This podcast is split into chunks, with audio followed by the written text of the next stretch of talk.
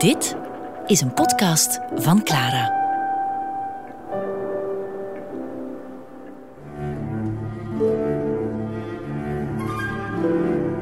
Leven en lijden van Godfried Bomans. Met Padone. Het bekendste boek van Godfried Bomans begint als volgt. De kleine Erik lag juist op het ogenblik dat dit boekje begint in het oude bed van grootmoeder Pinksterblom met de troonhemel en de zijden kwasten en keek over de rand van het blanke laken de schemerige kamer in. Erik of het klein insectenboek. Vaste, verplichte leerstof op school. Helaas, want goede boeken ontdek je zelf. En goede boeken, beste luisteraars, hoor je eigenlijk niet op school te lezen, maar thuis, in bed, liefst zo uh, een troonhemel met zijden kwasten terwijl de duisternis in de kamer valt. Vandaag in uh, onze podcast over Bomans Voor het donker worden, over de sprookjeschrijver.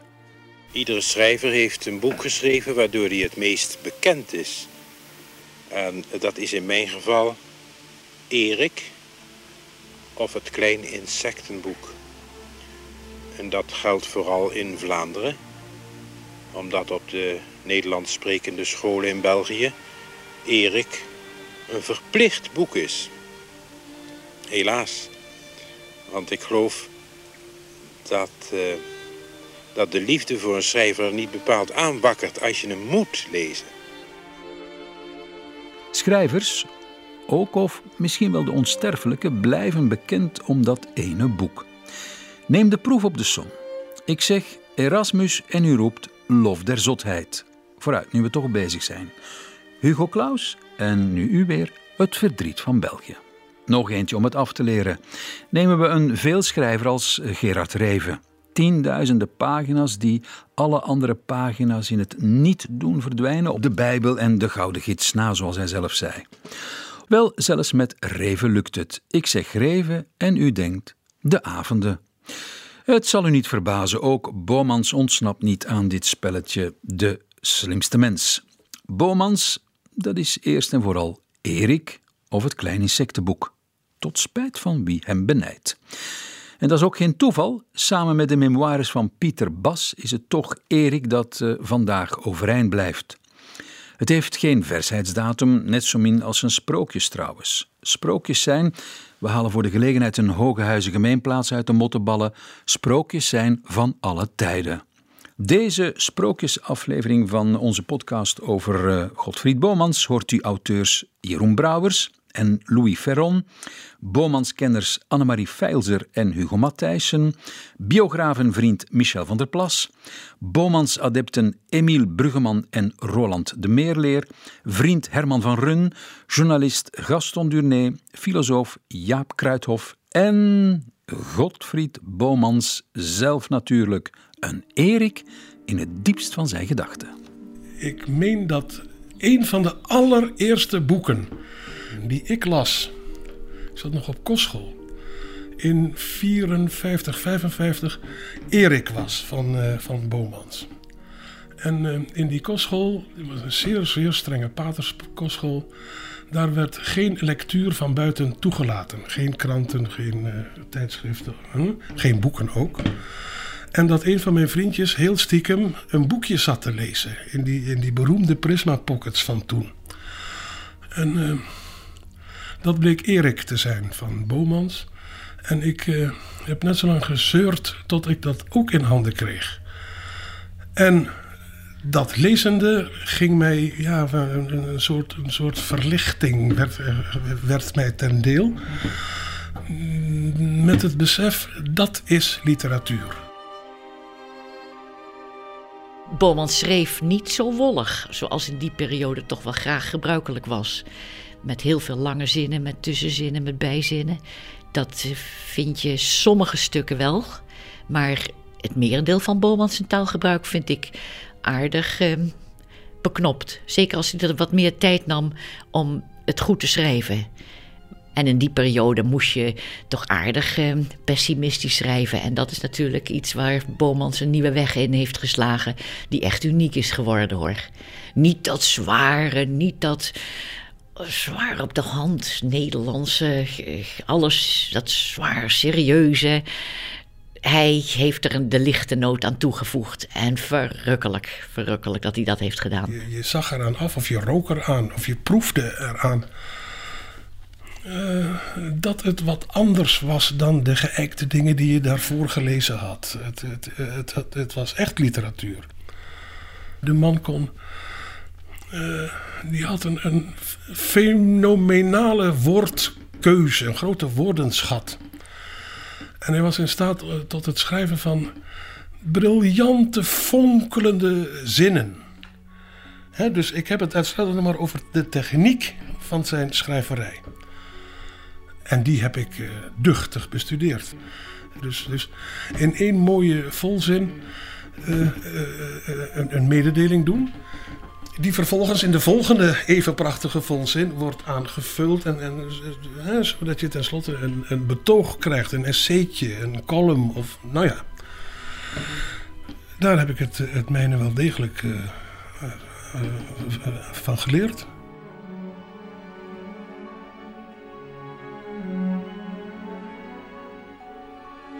Permitteert u dat ik voorga? zei de wesp met een neiging en ze gingen naar binnen. Meneer van Vliesvleugel zette zijn angel in de paraplubak en hing zijn vleugels aan het daarvoor bestemde haakje. Enigszins bevreesd liep de kleine Erik achter de brede rug van zijn gastheer aan. Ze gingen een lange gang door waar het zo heerlijk zoet rook dat de geur Erik bedwelmde en hij tegen de roze wand aan moest leunen. Wordt u niet goed? vroeg de wesp verschrikt. Het gaat alweer over, zei Erik.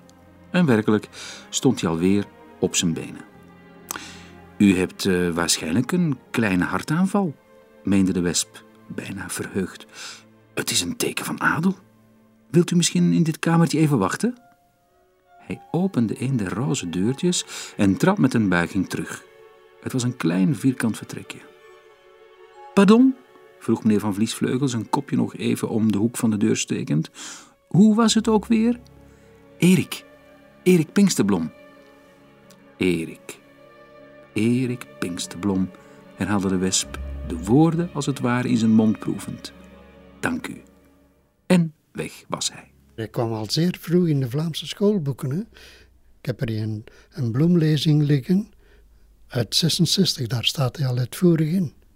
Dat was misschien ook wel wat het, het uh, spijtige aan Bomas, want zoals iedereen weet, uh, is het voor een schrijver niet bevorderlijk om op de verplichte lectuurlijst van de middelbare scholen te staan. Uh, met, met Raselink en Lampo natuurlijk als meest illustere voorbeeld dat die daarna onmiddellijk en met veel enthousiasme en voor een stuk toch ten onrechte zijn verguisd. Ik heb dat Belgische schoolboek ook in handen gehad. Achter elk hoofdstuk staan een stuk of acht vragen. Wat heeft Bomans bedoeld met de meikever op bladzijde 3? Of wat uh, is de bedoeling van Bomans geweest bij een slak op bladzijde 5? En dan lees ik dat en dan staan daarachter de antwoorden. En helemaal achterin staan geloof ik nog 40 vragen, die zijn nog dieper. Ik heb ze allemaal bekeken.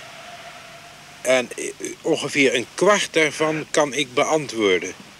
De rest gaat mij te hoog. Daar ben ik niet intelligent genoeg voor. Wat die schoolmeesters in België bedacht hebben, dat gaat boven mijn pet. Ze zijn dieper dan ik. Ik vind een domme reden van, van de populariteit van Bomas op school uh, simpelweg het feit was dat hij een Nederlander was. En dat uh, in de jaren 60 en ook nog zelfs begin jaren 70, uh, eh, dat we volop in die ellendige ABN-boom zaten. Wij moesten met name het sprookje uh, Anna uh, leren om onze klanken mooi te maken. Dus wij, uh, dat begon met de zin: op het afdakje boven de keuken lag een ei.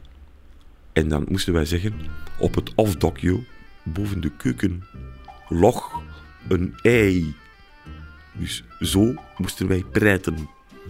Dat was algemeen en verder Nederlands.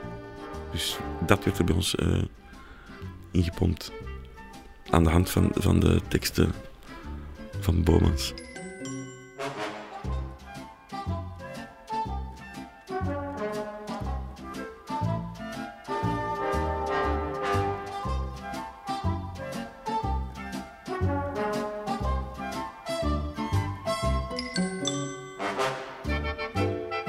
Wilt u mij misschien volgen, meneer Pinksterblom? Vroeg de wesp door een ander deurtje binnenkomend. Mijn vrouw stelt er prijs op met u kennis te maken. Mevrouw van Vliesvleugel rees omhoog van haar stoel toen zij naderde. Zij neeg toen Erik aan haar werd voorgesteld. We zijn altijd blij een heer te ontvangen, sprak zij op een toon alsof zij hiermee een terechtwijzing bedoelde. Erik maakte een buiging en daarna gingen ze alle zitten. Een heer is een heer, verklaarde mevrouw van Vliesvleugel. Men is het of men is het niet. Zeer juist, mompelde haar man eerbiedig. Erik begon het benauwd te krijgen. Hij had niet gedacht als hij thuis in de tuin de wespen over de mesthoop zag vliegen dat ze zo deftig waren. Is men het? vervolgde mevrouw. Dan is men het ook. Maar is men het niet? Ja, nu, dan is men het ook niet. En wordt men het ook niet? voegde haar man eraan toe. En wordt men het ook niet, herhaalde mevrouw. Wat men ook doet en wat men ook probeert. Terwijl, als men het is, men ook gerust kan zijn, want men is het. En blijft het ook, meende haar man. En blijft het ook, bevestigde mevrouw. Wat men ook doet en wat er ook gebeurt. Dit is onze overtuiging. Ik hoop dat u de zaak eveneens zo ziet. Jawel, zei Erik na een tijdje. Dat is hetgeen wat ik wilde weten, verklaarde mevrouw van Vliesvleugel, terwijl haar trekken zich ontspanden.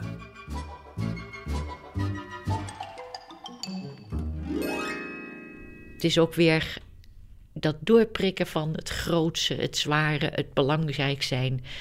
We zijn maar insecten. Kijk naar de wespenfamilie, die dan zo dik en belangrijk doet en zo chic. Men is het of men is het niet. Zegt hij dan van, nou ja, dat is natuurlijk.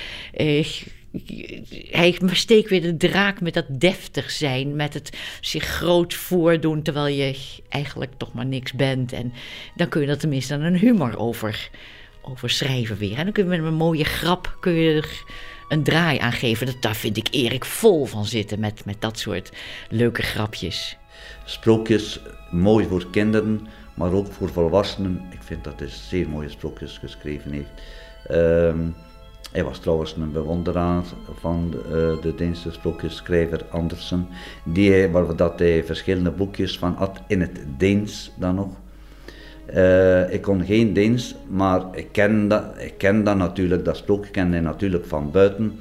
En hij wist dus, als hij daar de zin in het Deens stond, uh, kende hij daar de betekenis van. Maar als hij dat luid tot zeggen, alleen aan de klanken, vond hij mooi zeer eigenaardig. Je moet dus wel een enorm taalgevoel gehad hebben. Hij heeft natuurlijk Hans Christian Andersen in de studententijd enorm gelezen. Daar was hij ook erg van uh, onder de indruk. Maar ik vind toch niet dat je de sprookjes van Bomans uh, als uh, aftreksels van, van, van Hans Christian Andersen zijn sprookjes kunt zien. Ik vind ze toch op een andere manier opgebouwd. Er zit veel meer, ja, ik vind er veel meer humor in zitten.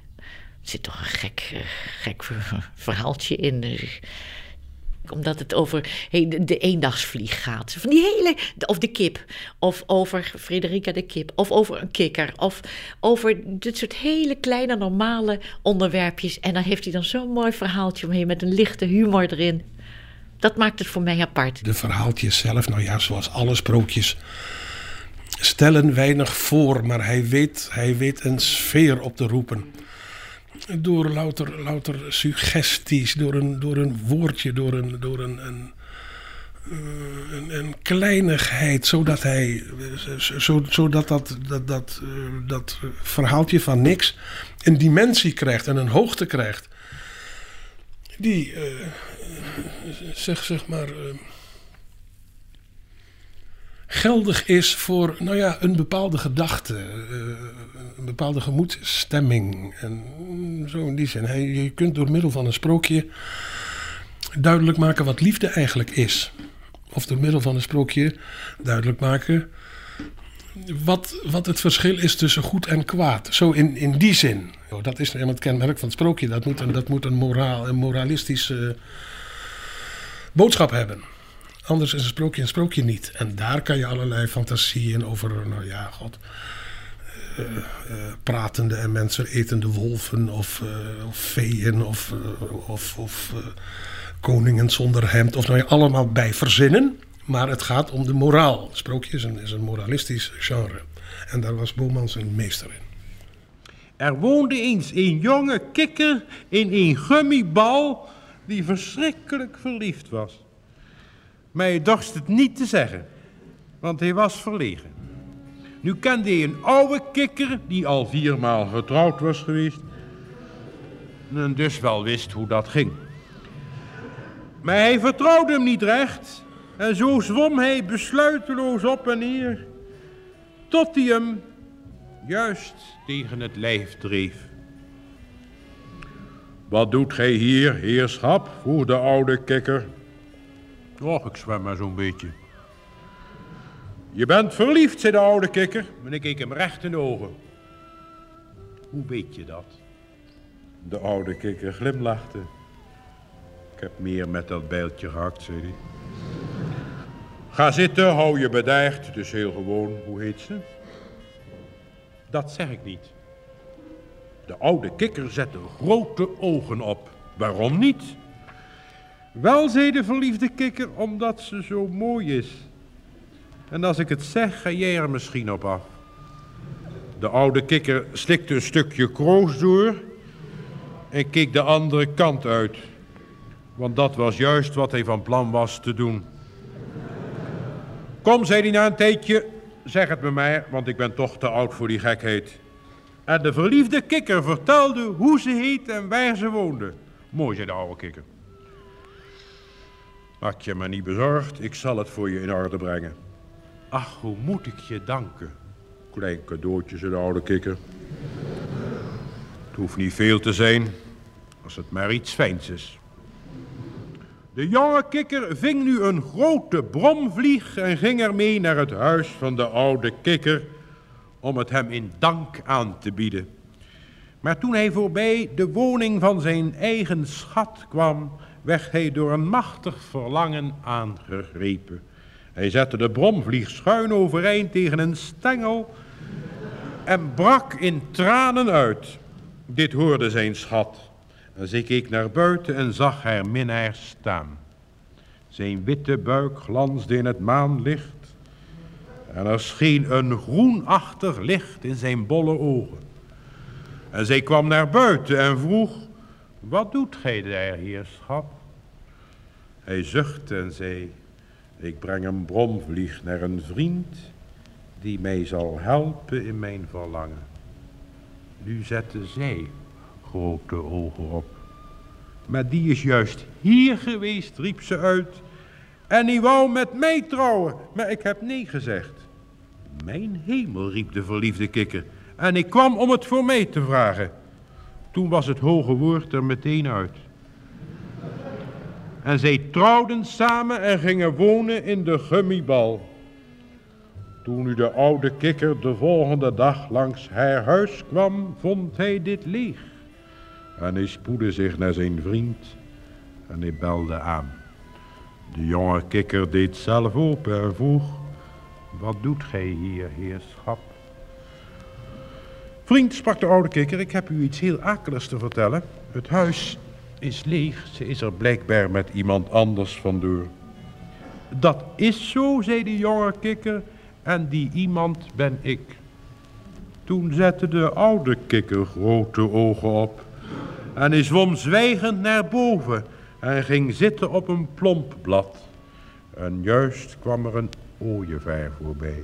Hij vroeg niets en hij zei niets, maar hij pikte de oude kikker op en vloog heen. En de schaduw van de vogel viel over de gummibal op de bodem van de sloot. Is er iets, vroeg de jonge kikker. Je bloost, zeg het me maar. De ooievaar is voorbijgekomen.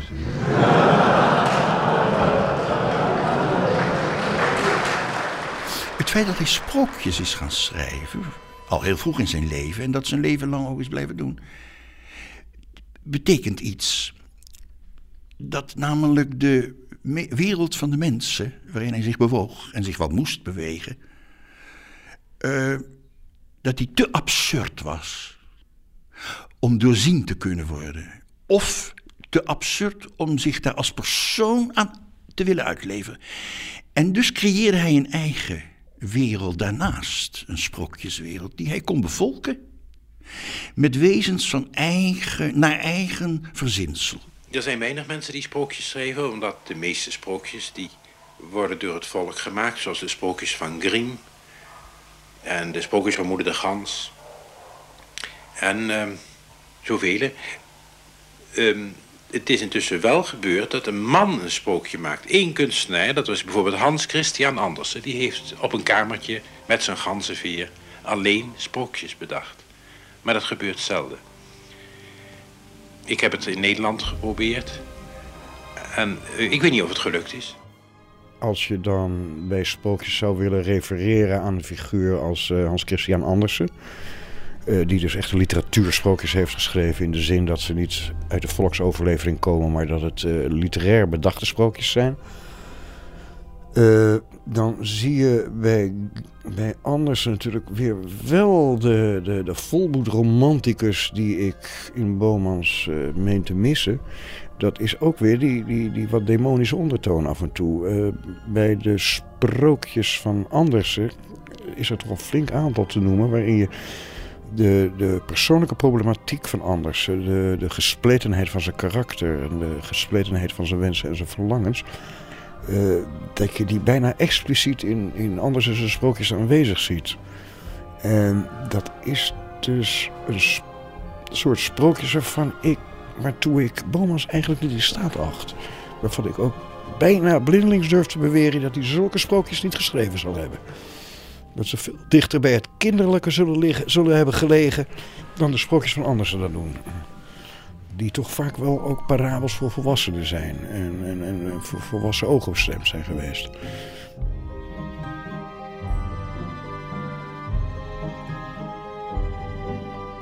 Sprookjes lees je als kind. Daarna volgt er stilte en 25 jaar later herlees je ze hardop voor jouw kinderen. Dat is het plaatje. Je hebt er, zonderlingen zijn het meestal deze dagen ook wel borderliners genoemd, die van hun leven een sprookje maken. Ze lopen door de stad en terwijl u en ik hartscheurend motoren voorbij zien denderen of rondhangende junks als uitgewoonde kraakpanden rondom de stations zien zwerven, zien zij trollen op zelfgebouwde scheepjes voorbij zeilen en de stations worden bevolkt door sierlijke zeemeerminnen. Godfried Bomans, u hoorde mij al komen, stond met zijn ene been in de gure stationsbuurt, maar met zijn andere zwaaide hij vrolijk in het rond. Hij balanceerde op het slappe koord van feit en fictie.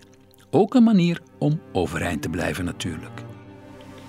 Ja, er bestaat over kunstenaars in het algemeen en in het bijzonder over schrijvers een groot misverstand. En het is misschien nuttig daar eens op te wijzen. Men denkt vaak dat een schrijver een bijzonder man is. Met eh, hele grote gedachten, eh, een fijner gevoelsleven. En ik dacht dat dat niet waar was. Het is best mogelijk dat mijn tuinman veel nobeler gedachten heeft dan ik. En dat het dienstmeisje dat mij mijn koffie brengt... een veel ruimer ideeënwereld bezit dan mij te beurt is gevallen. Alleen zij kan het niet zeggen. Wat de schrijver bezit, is het vermogen tot formuleren. Hij kan het vorm en gestalte geven. Nou, Maar dat betekent niet dat zijn ideeënwereld groter is. Eh, vaak het tegendeel is het geval. Veel kunstenaars zijn ehm, eh, in zoverre minder dan andere mensen dat ze vaak creëren, scheppen vanuit een defect, vanuit een tekort. Hij wilde al heel vroeg in zijn leven aardig gevonden worden, lief gevonden worden. Als kind vraagt hij herhaaldelijk aan zijn vader en moeder: Ben ik lief? Als jongen die zich de, laten we zeggen, die lagere schooltijd later gaat herinneren, eh, wil hij vooral dat het op school lief wordt en aardig en warm. Ik denk dat hij veel warmte in zijn jeugd ontbroken heeft aan hem. Dat, dat het thuis maar een kille boel moet zijn geweest. Afstandelijk is ook zo. Als je leest hoe hij uh, zijn eerste boek aan zijn vader liet zien. Dat is zeer afstandelijk allemaal geweest. En ik denk dat hij daar op zoek naar was, naar warmte. Warmte, genegenheid, aardig zijn. Als ik er maar bij hoor, als ik maar erbij mag zijn, als ik maar geaccepteerd word, als ik maar aardig word gevonden, als ik maar uh, sympathiek word gevonden, als de mensen maar om me kunnen lachen of, of dat ze zien dat ik er ben. En Sinterklaas gaf natuurlijk weer het beschermde wereldje. Met Sinterklaas was je thuis. Je mocht grapjes maken en je mocht elkaar uh, te gek, voor het gek houden en dergelijke. Maar het was wel het, het, het veilige wereldje waarbinnen je was van het gezin en van, uh, uh, van de warmte. In het geval van Bomans doen natuurlijk over de, zijn bewondering voor Sinterklaas natuurlijk allerlei quasi-psychologiserende verhaaltjes de ronde. Dat zou te maken hebben met, uh, met de invulling van zijn vaderfiguur. En het, enerzijds het, het, het, adoreren, het bewonderen van zijn vaderfiguur. En het anderzijds het willen kleineren van zijn vaderfiguur. Nou, wat zeker zo is, dat, dat Sinterklaas natuurlijk wel iemand in vermomming is. De man hield nou eenmaal van vermommingen. Want hij kon zich in vermommingen kon hij zich veel beter blootgeven dan hij in werkelijkheid durfde. Mijn heren, wat doet Sinterklaas met de kinderen die in de zak gaan? Daarover bestaat ook veel misverstand. Sommige mensen denken dat zulke kinderen helemaal mee naar Spanje worden genomen. Dit is niet juist. Meestal doet Sinterklaas, als hij over de Belgische grens is, zijn zak open en zegt: Gaan jullie maar naar huis, kinderen? Eenmaal heeft hij een jongetje tot helemaal in Parijs meegenomen. Dit jongetje was een vlechtentrekker, een duimenzuiger, een nagelbijter, een kleinere zusjesknijper, een vieze woordjeszegger, een lepelaflikker en dan nog een verkeerde handjesgever. Zulke gevallen zijn natuurlijk zeldzaam. Sinterklaas heeft dat jongetje even buiten Parijs een klein pakje voor zijn blote billen gegeven. En toen gezegd, zand erover. Godfried had een kant in zich van vaderlijkheid, van superioriteit, van het, uh, al was het dan speels, soms ook wel echt gemeend, zich te verheffen boven het wriemelende vulgus. En dat vulgus, de gewone mensen dus, uh, neerbuigend toe te spreken als waren het kabouters voor wie je moest, op je knieën moest gaan zitten, op je hurken moest gaan zitten. Dat had hij een beetje, ja. Zit daar nu een symboliek aan achter van God de Vader? Van, want je kunt dat diepzinnig gaan bekijken, hè? Dat Sinterklaas een symbool was van al de onzin die ze ons wijsmaken. Maar hij vond het leuk om dat te spelen. Maar dan viel hij ook uit zijn rol expres. Dat deed hij ook voor de humor. Dan ineens was er, was er iets mis met Sinterklaas. En dan probeerde hij dat hoog te houden. Maar dat deed hij ook expres. Dus Sinterklaas was er om God de Vader uit te beelden, om bij wijze van spreken. Maar tegelijkertijd de gevallen God de Vader. En dan, was het miserie. Dus dat is weer knap, hè? Dat is. En het is een masker, ja. En je moet erin geloven, je moet meedoen. Hè? Het is zo jammer als die kinderen het weten. Die moeten ze zo, knap mogelijk voor de gek houden. Ja, dat is een meestelijk thema natuurlijk. Hm? Hij heeft een keer, eh, toen was hij Sinterklaas van de stad, heeft hij in een toespraak de schoolkinderen een dag vrijgegeven. Dat kon natuurlijk helemaal niet. Maar dat deed hij. En dat, de, de, leerkrachten hebben er grote moeite mee gehad. Dat was een hele dag glazen, want die kinderen die kwamen niet naar school. Als Sint-Nicolaas op zijn paard door de stad rijdt en het paard staat op hol, zodat de snelheid hoger wordt dan 50 km per uur, moet Sint-Nicolaas dan bekeurd worden. dit vraagstuk is wetenschappelijk alleen te beantwoorden. Allereerst moeten we in het oog houden dat eh, wanneer een bisschop op hol slaat, dan eh, kan hij niet bekeurd worden. Hij valt onder het kerkelijk recht. Wanneer nu een bisschop op hol slaat, wat doet dan het Vaticaan? Eh, niets.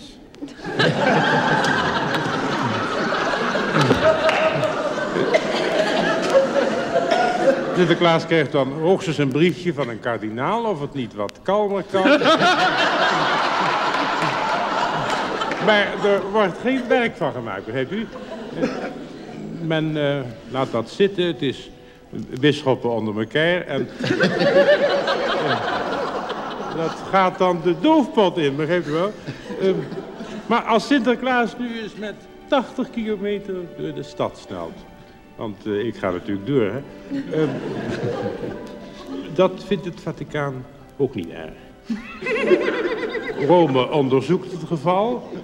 Komt in behandeling, men bekijkt dat... en men komt dan tot de conclusie dat de man eh, haast had.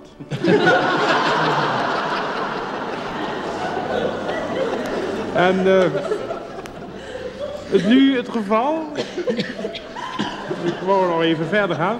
120 kilometer. Ja, dat wordt natuurlijk bedenkelijk, hè?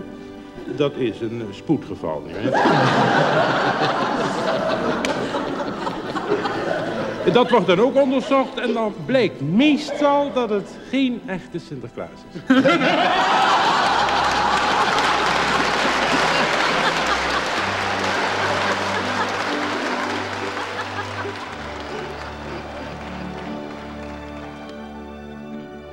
Leven en lijden van Godfried Bomans. Met Padone. Iedereen wordt in Nederland voor wat dan ook met een literaire prijs onderscheiden.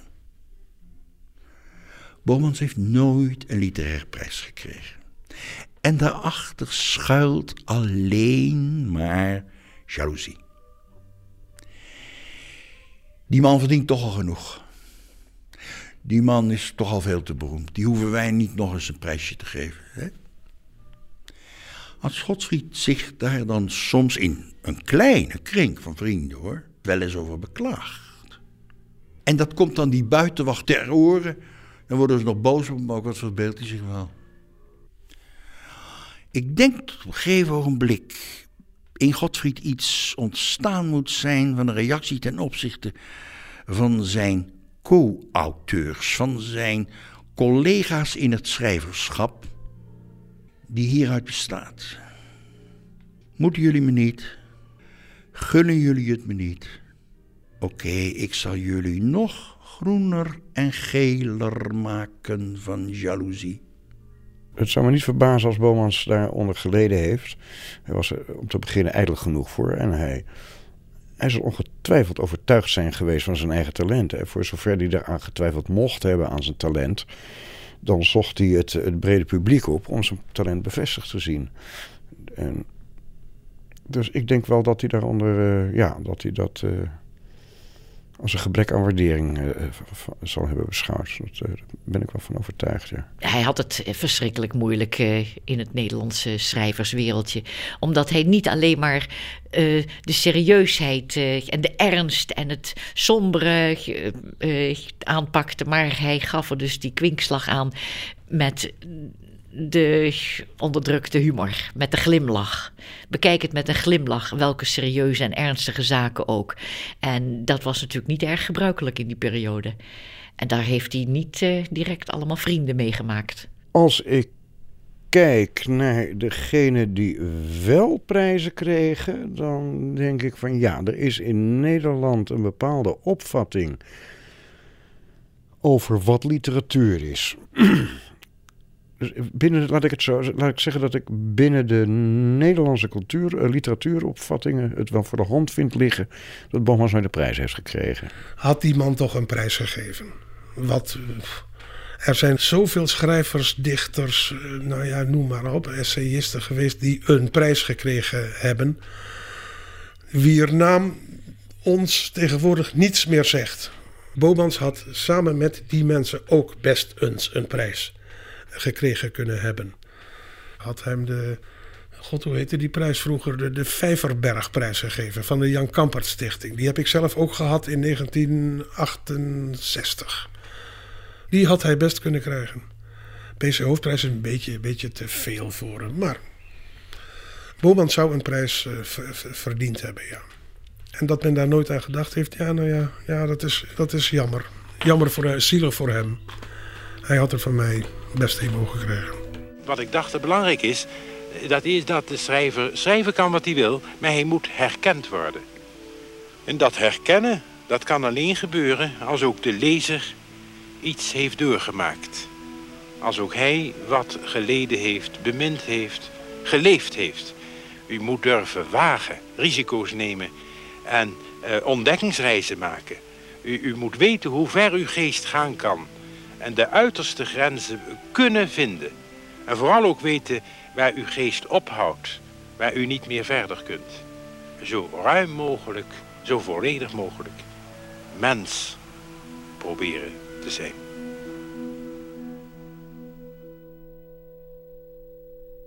De jaren 70, de late jaren 70, na zijn dood dus, is er een dieptepunt gekomen in de waardering voor Bomans. Die is achteruit gegaan toen, onder de indruk van de tijdsgeest natuurlijk. Hè. Dat was de tijd van de, de contestatie en de grote kritiek op wat voordien werd, werd gedaan en geschreven. Uh, maar ik heb de indruk dat uh, de jongste jaren de waardering weer gestegen is. Ook voor de schrijver als schrijver. Dat men is gaan zien dat hij toch een meester was in, in een bepaald genre. Hè. Maar ook, uh, ook nu weer, de tijdsgeest is ook weer een beetje uh, geëvolueerd. Men kan nu weer herkennen dat ook iemand die een andere gedachte heeft, uh, een goede schrijver kan zijn. Alhoewel, alhoewel. Hij wordt eigenlijk in de literatuurgeschiedenis niet ook aangeschreven door zijn speciale stijl. Het is, het is geen romanschrijver. Hij schrijft totaal anders. Maar ik denk als we na 30 jaar met de regelmaat van een klok men nog altijd met Boma's bezig is, dan hebben we het al ver gebracht, denk ik. En uh, ik denk dat we dan nog wel een tijdje gaan volhouden, ja.